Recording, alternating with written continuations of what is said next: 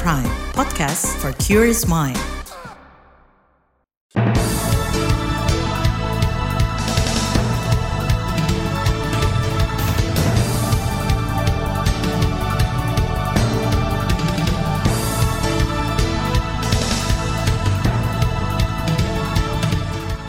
Selamat pagi saudara, senang sekali kami bisa menjumpai Anda melalui program Buletin Pagi edisi Senin 19 Juni 2023. Saya Naomi Liandra. Sejumlah informasi pilihan telah kami siapkan di antaranya. PDIP bisa rugi bila memilih AHY sebagai calon wakil presiden. Pemerintah tetapkan Idul Adha Kamis 29 Juni. Wagub Jawa Barat berencana datangi Pondok Pesantren Al Zaitun. Inilah buletin pagi selengkapnya.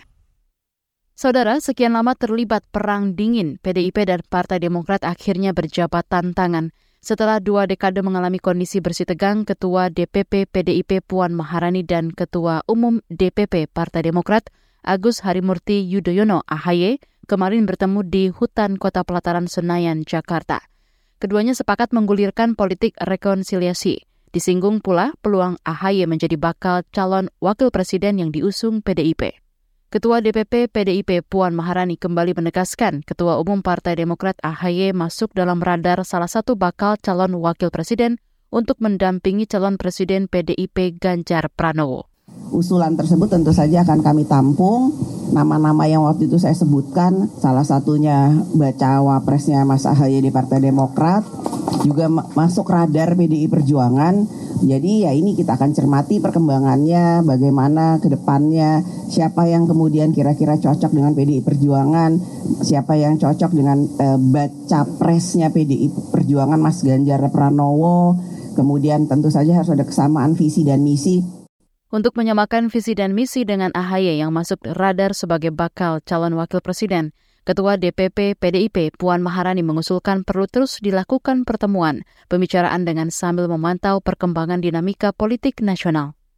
Sikap sebaliknya justru diperlihatkan AHY dengan tidak memperpanjang respon terkait dirinya yang masuk radar PDIP untuk dijadikan bakal calon wakil presiden. AHY justru menyatakan komitmen dirinya dan Partai Demokrat untuk tetap bersama-sama dengan PKS dan Nasdem di koalisi perubahan untuk persatuan rasa saling menghormati dan saling memahami posisi saat ini. Mbak Puan sendiri yang tadi membukanya paham bahwa saat ini Demokrat tengah membangun sebuah koalisi perubahan, kemudian tentu PDIP sendiri juga sudah kita ketahui telah mendeklarasikan Mas Ganjar sebagai calon presiden. Sedangkan koalisi perubahan capresnya adalah Mas Anies Baswedan. Ketua Umum Partai Demokrat AHY menambahkan partainya bersama dengan PDIP menyepakati agar pemilu 2024 terlaksana dengan damai, aman, jauh dari yang konflik hingga polarisasi di tengah masyarakat. AHY menyebut PDIP dan Demokrat tidak ingin ada perpecahan hanya karena politik sesaat. Anggota Koalisi Perubahan untuk Persatuan optimistis Partai Demokrat tidak akan terbujuk rayuan PDIP, termasuk iming-iming masuk radar bakal calon wakil presiden PDIP. Ketua DPP Partai Keadilan Sejahtera PKS, Mardani Alisera, yakin Ketua Umum Partai Demokrat AHY tetap berjuang bersama Koalisi Perubahan. Pada saat yang sama, PKS percaya bahwa Mas AHY dan Partai Demokrat solid dan kokoh dalam koalisi perubahan untuk persatuan mengusung Mas Anies Baswedan sebagai calon presiden. Tapi mungkin ini eh, momen ini bisa mempercepat Mas Anies dan Koalisi Perubahan untuk Persatuan segera menetapkan cawapres untuk Mas Anies Baswedan. Ketua DPP PKS Mardani Alisera juga mengapresiasi pertemuan AHY dengan Puan Maharani kemarin. Pertemuan itu menampilkan politik teduh lewat silaturahmi. Sedangkan bagi anggota koalisi perubahan lainnya yakni Nasdem, pertemuan Puan dengan AHY kemarin dinilai untuk menjaga situasi damai jelang pemilu. Ketua DPP Nasdem Charles Mekiansyah Optimis, koalisi perubahan tetap solid mengusung calon presiden Anies Baswedan. Kalangan pengamat menilai pertemuan Puan Maharani dengan AHY menjadi strategi halus PDIP memecah belah koalisi perubahan. Pengamat politik dari Universitas Al-Azhar Indonesia, Ujang Komarudin, menyebut PDIP memanfaatkan kegundahan hati AHY yang tidak kunjung dijadikan calon wakil presiden mendampingi calon presiden Anies Baswedan. Saya sih melihat juga itu sebagai angin surga atau ansor begitu. Karena sejatinya kerugiannya kalau AHY jadi cawapres ya Ganjar ya rugi pada rugi bandar kenapa kalau AHY jadi cawapres memberi ruang kepada lawan politik itu kan katakanlah ya pihak oposisi mempunyai posisi bagus di uh, koalisi PDIP dan seandainya menang itu juga bisa jadi ancaman ke depan pasti akan mengganggu PDIP juga jadi saya melihatnya sebagai gimmick itu tadi pengamat politik dari Universitas Al-Azhar Indonesia, Ujang Komarudin. Saudara Presiden Jokowi ingatkan pemimpin masa depan agar jangan salah ambil tindakan. Informasinya akan kami sampaikan sesaat lagi. Tetaplah di Buletin Pagi KBR. You're listening to KBR Pride, podcast for curious mind. Enjoy!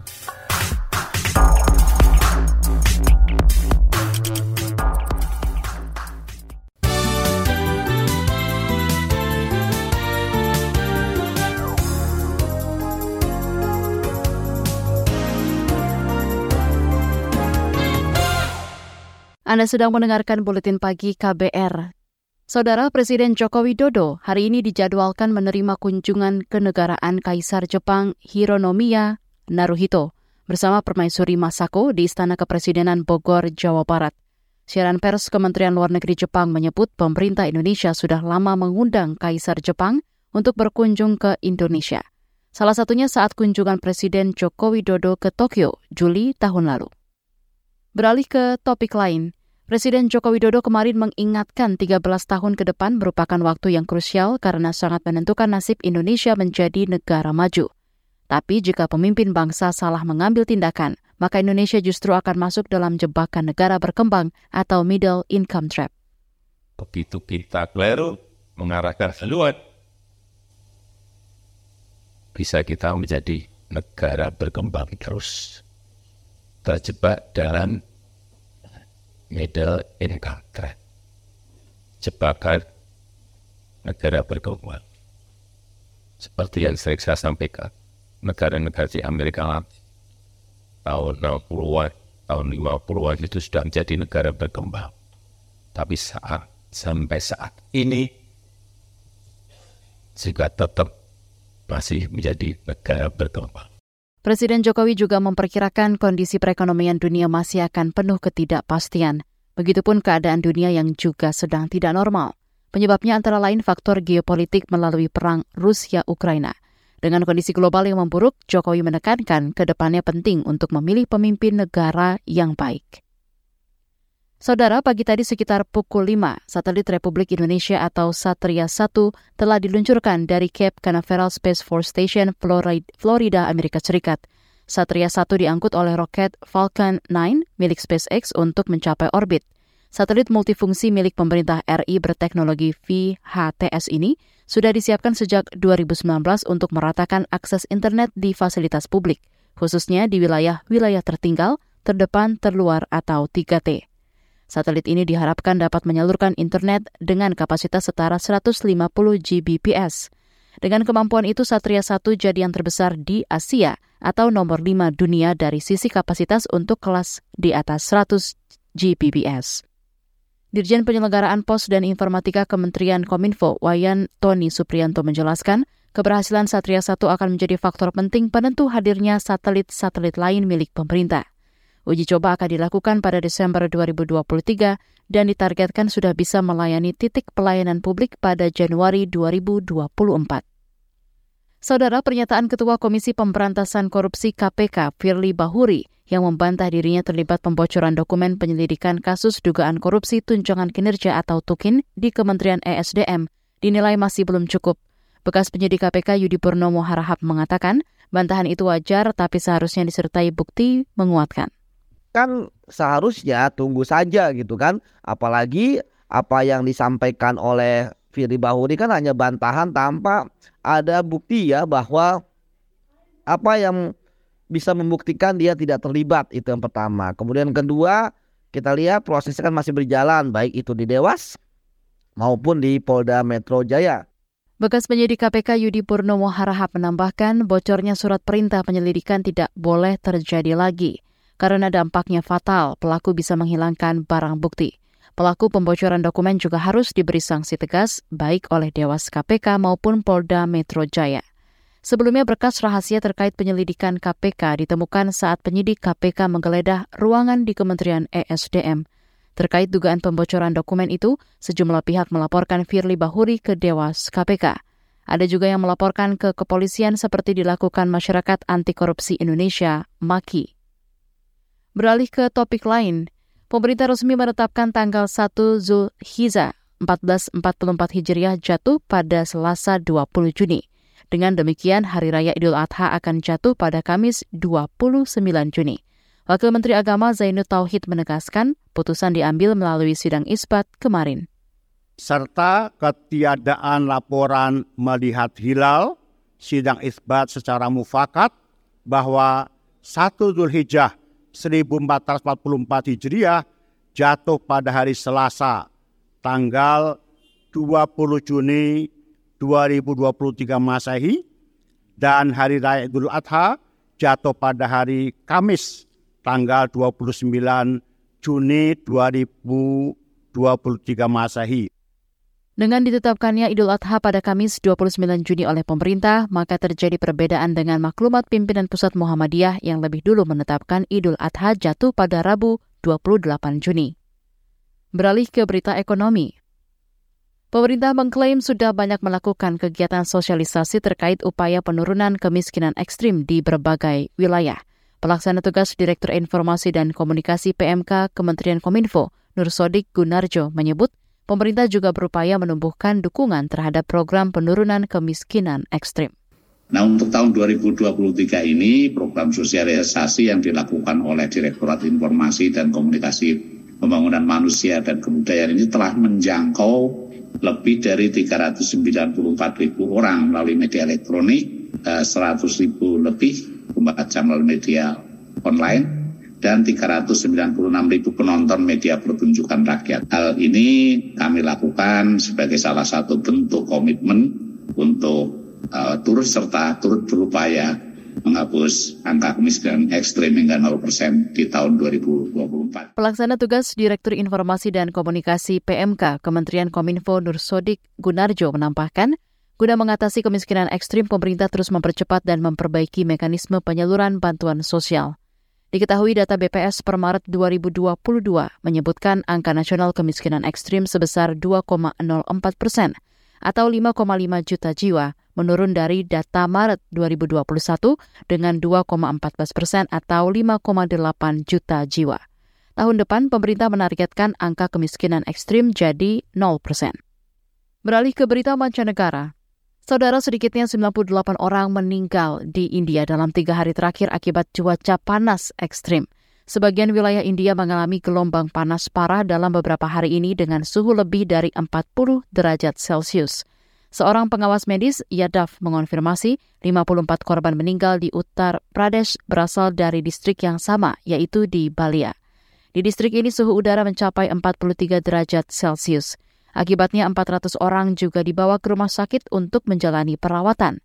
Yadav menyebut sebagian besar pasien memiliki penyakit penyerta seperti hipertensi dan diabetes. Risiko kematian pasien pun menjadi besar. Sementara itu 44 korban meninggal lainnya ada di kota Patna, ibu kota Bihar.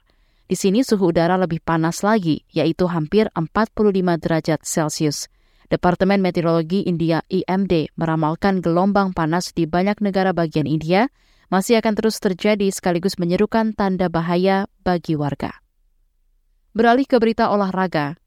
Pelatih Argentina Lionel Scaloni memuji timnas Indonesia sebagai tim yang bagus dan juga punya teknik yang baik. Tidak akan mudah untuk melawan tim asuhan pelatih Sinteyong sehingga tim Tenggo harus menerapkan strategi rotasi pemain untuk laga nanti malam. Rotasi ini menurut Scaloni bukan bermaksud meremehkan timnas Indonesia, tapi karena ingin bereksperimen sesuatu yang baru pertandingan persahabatan atau FIFA Matchday Timnas Indonesia kontra Albi Celeste akan digelar pukul 19.30 malam nanti di Stadion Utama GBK Senayan, Jakarta. Argentina tidak akan diperkuat tiga bintangnya yaitu Lionel Messi, Angel Di Maria, dan Nicolas Otamendi. Di bagian berikutnya, kami hadirkan laporan khas KBR berjudul Kampung Buku, dedikasi belasan tahun perluas akses literasi di Jakarta. Bagian pertama, Tetaplah di Buletin Pagi KBR. You're listening to KBR Pride, podcast for curious mind. Enjoy!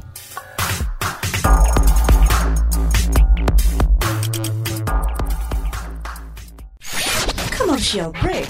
Commercial break. Oke Google, cariin apa yang lagi trending sekarang dong. Yang lagi viral, yang lagi hits. Aduh, kamu ini tahunya cuma nyur doang. Lah, dia nolak. Aku bilangin Siri nih. Ya sudah-sudah jangan ngambek dong. Kamu cukup buka KBR Prime titik ide, lalu cari what's trending. Semua dibahas tuntas dengan narasumber yang kredibel, jadi bisa buat referensi kamu. Wah iya nih, keren banget ya. Setiap hari lagi. Betul, dari Senin sampai Jumat. Jangan lupa hanya di KBR Prime titik ide atau di aplikasi podcast lainnya. Makasih ya Mbah Google. Hei kamu ini, saya masih gadis, kenapa dipanggil Mbah? KBR Pride, podcast for curious mind.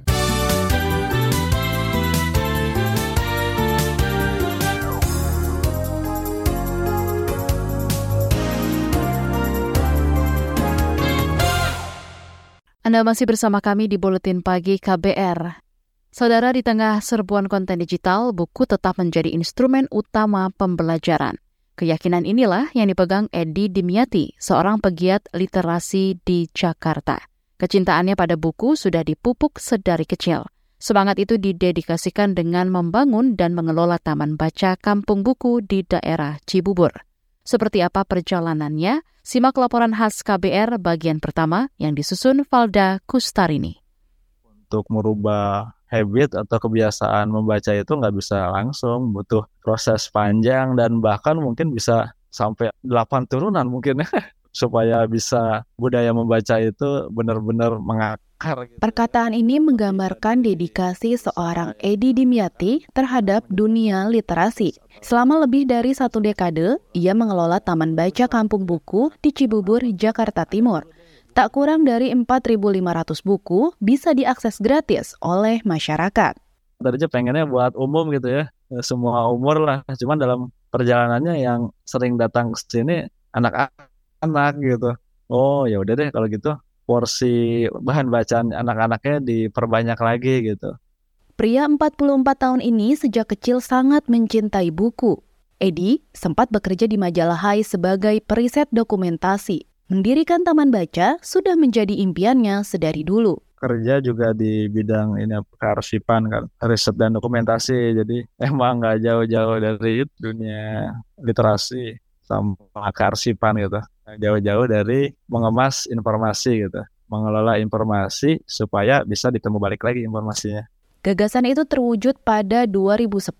Edi membeli sebuah saung di Cibubur dengan uang hasil pinjaman saung itu harganya kan 5 juta tuh saya pinjam dari koperasi karena pengen banget gitu ya, bikin taman baca saungnya tiga kali empat ya itu berdiri di tanah seluas 115 meter persegi. Nah, jadi saungnya hanya 12 meter persegi. Lulusan Ilmu Perpustakaan Universitas Pajajaran Bandung ini memilih nama Kampung Buku karena ingin wilayahnya dikenal sebagai tempat buku-buku karena emang hidup di Jakarta gitu ya yang kehidupannya tuh hedonis itu apalagi gitu ya yang mau dicari ya pengennya tuh bikin apa suatu prasasti gitu suatu karya yang bisa dinikmatin terus menerus gitu ke agar ya mudah-mudahan apa yang diperbuat gitu selama itu bisa berkah gitu bisa dipanen gitu nanti kelak gitu pada 2017, Edi memutuskan keluar dari pekerjaan demi fokus mengelola taman baca. Keputusan ini sempat ditentang orang tuanya, namun akhirnya mereka luluh karena melihat tekad dan kesungguhan Edi. Apalagi ada bank swasta yang membantu pembangunan kampung baca. Mulanya bahan bacaan berasal dari koleksi pribadi Edi, namun lambat laun banyak yang ikut berdonasi buku kalau misalkan buku-bukunya itu ditaruh di rumah ya kan yang mengakses buku-buku atau yang membaca kan hanya sekedar keluarga terdekat ya saudara-saudara paling gitu. Nah awalnya kepengen buku-buku ini bisa dimanfaatkan buat orang yang lebih banyak lagi gitu. Kampung Buku Buka setiap hari dari jam 10 pagi hingga 5 sore. Pengunjung boleh meminjam maksimal dua buku selama dua minggu. Anak-anak yang paling sering mengakses taman baca dan biasanya ada orang tua yang menemani. Kalau ibu-ibu di sini lagi nunggu buku-buku parenting didekatkan raknya gitu ya. Dari kedekatan itu pasti mereka ini kok menyentuhnya minimal menyentuhnya sih nggak nggak usah dibaca dulu deh lihat dulu gitu ya kan karena apa karena untuk aktivitas membaca itu bukan kewajiban ya tapi kebutuhan gitu Edi tidak menerapkan aturan ketat soal peminjaman buku. Fokusnya adalah menarik sebanyak mungkin orang untuk datang ke kampung buku dan membaca. Itu sebab ia tak mengambil tindakan apa pun ketika menemukan ada anak yang mengambil buku tanpa izin. Kata orang tua aja, ini Kang Edi anak saya maaf ya pinjam buku nggak dibalik-balikin udah numpuk sekardus gitu jadi saya jadi si anak itu pinjam tapi nggak bilang kan. Tapi poinnya sebenarnya buku itu nggak bakalan hilang sih sebenarnya. Nggak usah dijagain gitu di depan bukunya kita sebenarnya nggak hilang. Pasti diambil pasti dibaca gitu sama anak-anak gitu. Dan akan kembali lagi sih sebenarnya. Di kampung buku Edi membuka bimbingan belajar yang dikelola oleh sang istri Uangnya sebagian digunakan untuk operasional perpustakaan. Ya, terutama istri kita ngebantuin sehari-hari di sinilah uh, mengelola gitu. Istri juga ngajarkan di sini uh, anak-anak setiap hari Selasa, Jumat dan Sabtu. Kalau yang bimbingan ada dari di luar ngajarin anak-anak setiap hari gitu.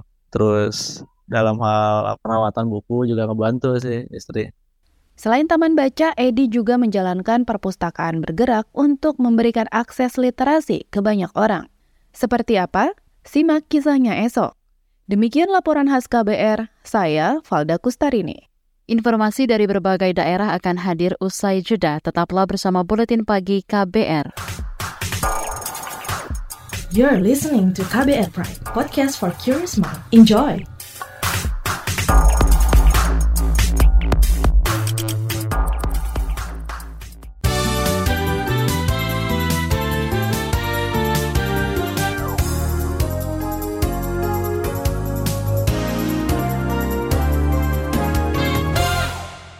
Inilah bagian akhir buletin pagi KBR. Kita ke Nusa Tenggara Timur.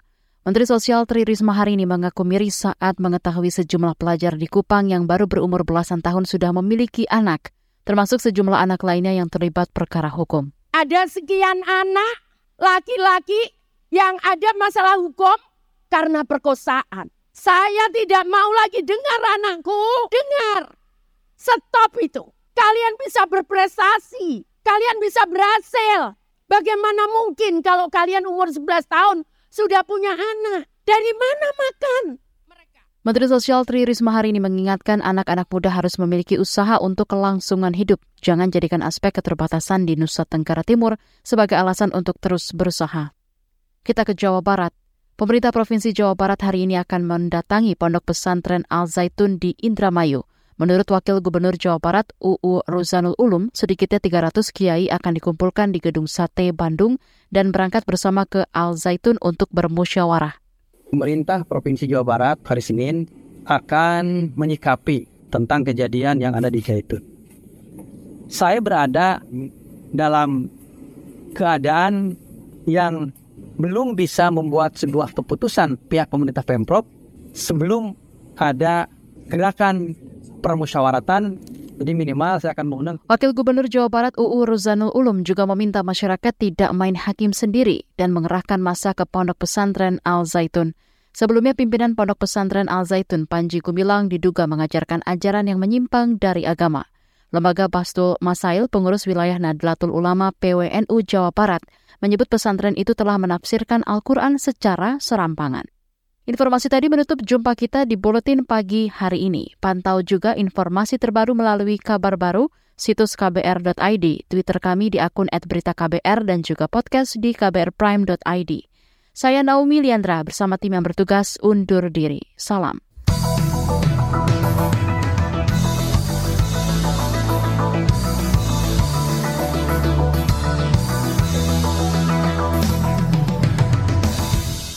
KBR Prime, cara asik mendengar berita. KBR Prime, podcast for curious mind.